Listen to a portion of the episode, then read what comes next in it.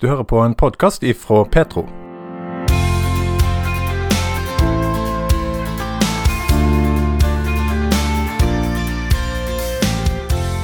Vi blir påvirka av de vi har rundt oss, og måten vi blir speila av andre, gjør noe med oss. I denne serien på åtte program så skal vi se nærmere på tema som sorg, samlivsbrudd, når eh, barna har eh, forlatt eh, trua de vokser opp med, og det å være sårbar. Dagens program skal handle om forskjellige trusuttrykk. Trygg i troen, det er tittelen på et innlegg på nettsida verdidebatt.no. Iselin Jørgensen skriver her at mitt gudsbilde stadig blir rikere gjennom å møte andre mennesker og livsanskuelser. Min tro blir rikere, min søken og nysgjerrighet blir større og sterkere. I det norske samfunnet så møter vi altså mennesker helt fra barnehage og skole, utdanning og jobb, som har ei tru som er ulik mi. Hvordan vi skal møte dette som barn og foreldre er en utfordring og en mulighet. Det sier Mona Sætre, sjelesørger i Norsk Luthersk Misjonssamband. Der har vi en utfordring i det norske samfunnet i dag. Fordi at eh, alle verdensreligionene lever rundt oss. Og det er inn i skolen.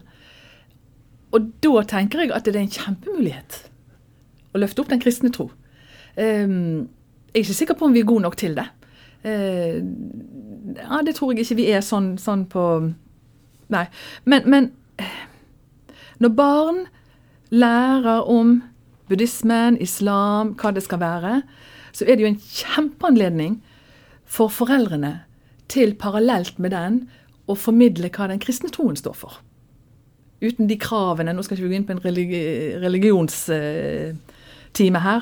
Men, men, men, det er en enorm mulighet for å fortelle om friheten som vi har som kristne. da. Jeg spør meg, jeg spør meg sjøl, jeg er ikke helt sikker på det. altså er er en del i andre religioner mer frimodige enn vi er. Altså Det er ikke vanskelig å, å se hvem som er muslimer, på kvinner i hvert fall, hvis de går med hijab eller uh, et eller annet. Um, og det er jo interessant at jeg har vært misjonær i Indonesia. Når vi kom hjem igjen til Norge, så var det for meg veldig deilig å kunne fortelle at vi hadde vært i Indonesia som misjonærer. Jeg var allerede plassert. Jeg slapp å forklare så mye. Altså, det, ble, det ble min sånn hijab, hvis du skal si det sånn. Der, sant? OK, der var hun plassert. Um, men så kunne det skape nysgjerrighet. Og den nysgjerrigheten må vi finne uh, en måte å formidle vår tro på. At mennesker blir nysgjerrig. Hva er det du har med deg? Og da er til uh, Det handler jo mer om verdier, da, for da er, er til den hva Åssen lever jeg ut mitt kristenliv? Hva betyr troen for meg? Betyr troen så mye at jeg ikke lager jeg skal til å si et oppsett på hvordan jeg vil leve og tvinger meg sjøl til det, men om det er så integrert at troen min leves ut i hverdagen. Altså, det er jo det jeg ønsker. At troen min skal leves sånn at mennesker ser det på meg i øynene mine, i gjerningene mine, i det jeg gjør. At her er det noe som jeg ikke har erfart før. Vet ikke om jeg svarte på spørsmålet ditt, men, men, men eh, ja. Nei, men jeg har lyst til å stille deg et spørsmål. Eh, ja. Og det kan en bli så opptatt av akkurat det, at andre skal se hvor kristen jeg er, mm. at jeg ikke ser hvordan andre har det. Ja. Og det er akkurat det jeg mener vi ikke skal. Ja, men er ikke det litt det som vi ofte møter? At ja. uh, grunnen til at en, en, fikk for mye av det og, og velger å trekke seg tilbake, er at mm. en var så opptatt av å, å leve Eh, kristenlivet så rett. At andre så at jeg levde så rett. At jeg, at jeg hadde ikke mulighet til å se deg. Og når jeg sa det jeg sa, så tenker jeg ikke på retthet. Å leve rett. Jeg snakker om å være til stede der mennesker er. Istedenfor alle de styrene på bedehuset. Altså, dette er jo en sånn verdidiskusjon, eh, egentlig. Men der det betyr faktisk noe for meg å være med barnebarn på fotballtrening. Det betyr noe for meg å ha et åpent hjem for barna mine nå, Jeg har jo et barnebarn som er i sånn før tenåringsalder. Eh, at de skal kunne komme, de skal kunne ha med sine venner. Her, her er det frihet. Men der en òg har en og, og, mitt hjem bærer preg av at vi er et kristent hjem. Jeg ser det på bøker som ligger fremme, jeg ser det på Bibelen som ligger fremme.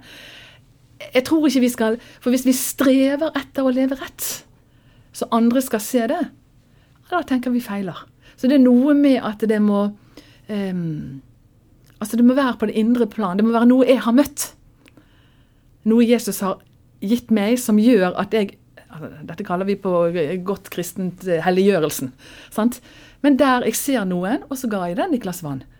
Og så så jeg en som var, var i sorg. Så møtte jeg den. Stilte meg til disposisjon for menneskene rundt meg, da, uten at det blir et mast. At det må jeg gjøre. Men Hvis du som barn opplever at foreldrene dine var sånn, altså de levde på bedehuset eller Ja. på menigheten eller i kirka, og, og de var flinke til å gi vann til, Mhm. til sine medvandrere, mm -hmm. men så opplever ungene at eh, de ga vann til alle andre utenom oss. Vannet må gis først hjemme. Det er det, det er det jeg mener. Og, da, og det er da jeg mener det med å følge opp barn, det med å følge opp eh, mine barns venners foreldre. Sant? Altså være inkluderende. Sant? Komme inn på en kopp kaffe. Eh, hva det skal være. Jeg tenker ikke det å gjøre ute på bekostning av barna, men gå inn på barnas arena. Det tror jeg. Altså det, er det noe jeg vil oppfordre foreldre, unge foreldre til i dag, så er vær med inn på de arenaer som barna Ikke la de bare gå på bedehuset. Barnelag, eh, kor. Um, men være aktiv i fotball, i, i alt de er med i, da. En får veldig gode samtaler på sidelinjen når en står og heier på en kamp. Hva skal du i helga, da? Sant?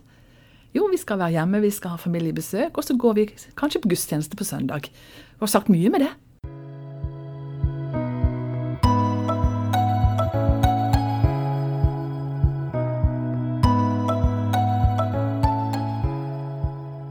Jeg tror jeg skal til å si, Barn som vokser opp i kristne heimer, som er på kristne arrangement, som er der ute, og foreldre som, som har levd i dette hele sitt liv, rett og slett litt redd for å møte menneskene som lever livet der ute. For hva snakker de om? Hvordan kan jeg Så det må være samfunnsengasjert og vite hva som skjer i tiden, og ikke bli taus i alle debatter. Eh, tror jeg en eh, Jeg tror det kan være viktig for, eh, for småbarnsforeldre i dag å følge med. Nå har jo du påvirkningsmulighet inn i en eh, stor norsk misjonsorganisasjon, Norsk Luthersk Misjonsforbund. Du er sjelesørger der. Du hører mange historier Mm. fra unger som forteller om oppveksten sin, Mm. eh, som har vært vanskelig, eh, og vanskelig for trua deres eh, og, og livet. Hva, hva kan du gjøre med de historiene du får høre? Blir de ikke deg, eller tar du de, deler du de sånn at de kan lære noe av dette? Den enkeltes historie blir hos meg. For jeg har taushetsplikt. Heldigvis for det. Men det er så mye som er likt. Så når jeg reiser rundt og underviser i menigheter og, og, og forskjellige plasser, da, så kan jeg anonymisere og putte sammen veldig, for det er mye som er likt. Um, så det er nå én plass jeg har, har påvirkning, da. Men jeg tenker jo òg at jeg har påvirkning inn imot min organisasjonsledelse. Og da tenker jeg ikke minst på dette rører seg. Dette rører seg hos barn som har forlatt troen. Dette rører seg hos foreldre som opplever sorg og sårethet og, og smerte med barn som, som er skilt eller forlatt tro eller homofili eller hva det skal være. Um, så tenker jeg Hvis jeg kan få formidla til de som har en avgjørende myndighet, eller til pastorer i min egen menighet, da, um, så forkynnelsen blir livsnær. Fordi at vi, vi sitter jo der og lytter med Altså, jeg lytter ikke bare med mitt hode den dagen, jeg lytter med hele mitt liv. Hele mitt liv er med inn og lytter til det som blir sagt fra talerstolen eller i en samtale blant kristne. Så, så gir det gjenklang i et eller annet hos meg. Og det eh, Om vi kunne ha Ja, vi skal ha ren bibelsk og bibeltimer og sådant, men, men jeg skulle virkelig ønske at vi hadde enda mer livsnære til å si delingsplasser. Unger som forlater trua, har jo, eh, har jo fremdeles kontakt med familien sin, med Mhm. søsken, med, Ja. med foreldre. Det at Kristen-Norge hadde gått ut og sagt at din historie er viktig, at en sier at vi, vi, vi vil lære, Ja. vi, vi ønsker å ta, ta et oppgjør med dette. Ja, og tenk om vi hadde fått en arena som jeg hadde vært med. Jeg har det vært fantastisk å fått vært med.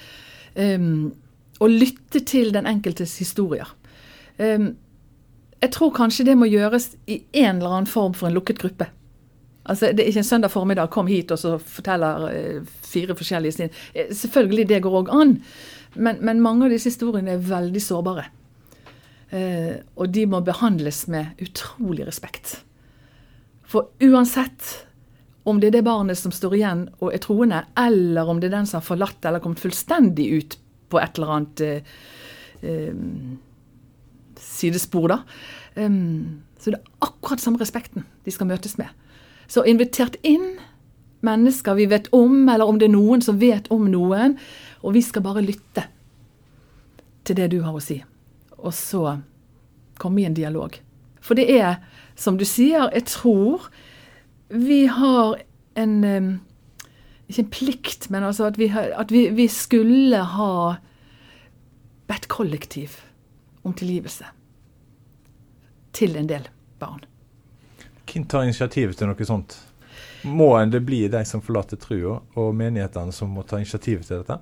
Men akkurat i dette tror jeg at det er organisasjonene og menighetene som må åpne favnen sin og si vet du, vi har lyst til å høre på deg. Vi har lyst. Og så selvfølgelig må, en, må, må den enkelte sjøl Kommer en der med mye bitterhet og sinne og altså, en, en, må jo ha en varhet, da. Sant? Men det er derfor jeg sier det burde vært i et, etter forholdene lukket rom. Men jeg tror det er organisasjonene og menighetene som eh, Og tenk om en menighet hadde begynt. Vi ønsker her å ha samtale med deg. Vi ønsker å lytte til deg. Alt du har å si. Absolutt alt. Um, og så blir det her i første omgang. Og så kan en kanskje snakke om hvordan kan dette deles med menigheten.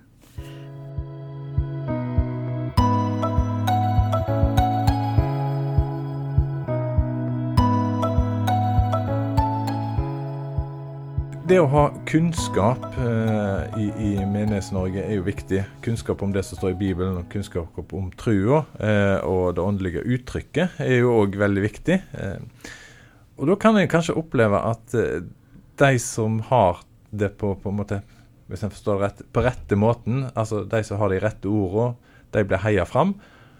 Hvis en da har en eh, følelse av at min måte å se det på, eh, er ikke den som blir heia fram, så er jo det på mange måter lett å forstå hvis en da føler at OK, her passer ikke jeg inn. Ja. Eh, det kan jo òg skje i, i, familier, at foreldrene heier fram den rette måten å si ting på, de rette måten å uttrykke trua si på. Mm. Det er ikke sikkert de mener det, egentlig, men, men det er det signalet de sier, og så, så blir det en som eh, barn opplever at OK, dette er ikke nok for meg. Ja, der det blir en belastning. Og um, det er ikke sikkert at det barnet noensinne har gitt uttrykk for. At det tenkte annerledes, eller at det var en belastning. Um, men, um, men, det fører jo til at det barnet kjenner seg feil. Ja, en blir en sånn annerledes ja, barn. Ja, en blir et annerledes barn. Um, og igjen tenker jeg at Altså Foreldre er jo kanskje de De burde i hvert fall være de som kjenner sine barn best. Eh, det burde de være. Jeg liker ikke ordet burde, da er det sånn i burdismen. Men altså, en skulle vite åssen barna, barna, sine er, og hvordan de reagerer i forskjellige settinger. da. Så det med å, å ha åpne øyne og sinn for eh, det enkelte barns reaksjoner, da, når ting blir sagt men, men, ikke minst den åpenheten hvis det snakkes om tro i heimen. Uh, når en ber aftenbønn, når en leser bibelske historier. Hvordan kan de relateres til mitt liv, til mitt hverdagsliv? Sånn at, at det faktisk trigger til at det, wow, der er rom for meg òg. Altså, jeg tror vi feiler ganske mye når vi ikke tar hele eh, personaspektet som er i Bibelen. da det er ganske mye. Altså Det er jo hele menneskeheten egentlig som, som er inne på de sidene der. Um, så, så, det med å Hva rører seg i dette barnet? At den er ekstremt viktig. Og jeg hadde en, uh, hvis det er tid til det, bare helt sånn to the point. Jeg har, jeg har et barnebarn som spiller fotball. Og så var det her, var, Da var han vel sju år, tenker jeg.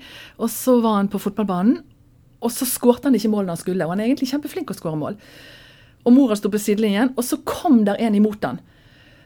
Og, og så så mor at det skjedde et eller annet imellom de to. Og så, sier, eh, så spør hun hva var det som skjedde der. Nei, jeg tenkte jeg skjønte at nå kommer han til å kjefte på meg, for jeg ikke skårte mål. Ja, men hva, hva gjorde du da? Og så sier han det. Da tenkte jeg som så, han snakker litt østlandsk, um, holdt han hånden frem og viste moren, bare sånn kan han ha tenkt i hodet sitt.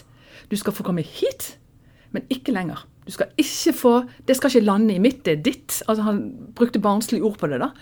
Eh, og, så sa han, og så klappet jeg meg selv på skuldra og tenkte sa, lykke til neste gang. Det går bedre da. Og så måtte jeg spørre mor hva hadde dere snakket om hjemme på forhånd. Og så har far bibelundervisning med de ett og ett barn, de har tre barn, en gang i uken. Og så sa han, nei, denne uken hadde det vært, hadde det vært eh, snakket om eh, bibelverset 'ta hver tanke til fange i lydighet mot Jesus Kristus'. Og jeg tenkte det var kanskje ikke det jeg hadde begynt med med et barn. Men hva er det å ikke måtte ta imot alt som alle vil trykke ned, og sette dype, vonde spor i livet mitt? Så jeg tenkte vår lille Jakob fikk, har fått med seg mye der, altså. Mona Sætre jobber til daglig som sjelesørger i Norsk Luthersk Misjonssamband. Du kan lese mer om dette på nettsida sjelesorg og veiledning.no. Ønsker du noen å snakke med, så kan du kontakte Kirkens SOS på nettsida deres, eller du kan ringe dem på 22 40 00 40. Jeg heter Bjørnsteinar Haugland. Denne programserien er laga med støtte fra Medietilsynet. Du har hørt en podkast ifra Petro. Flere podkaster finner du på petro.no og i appen Petro.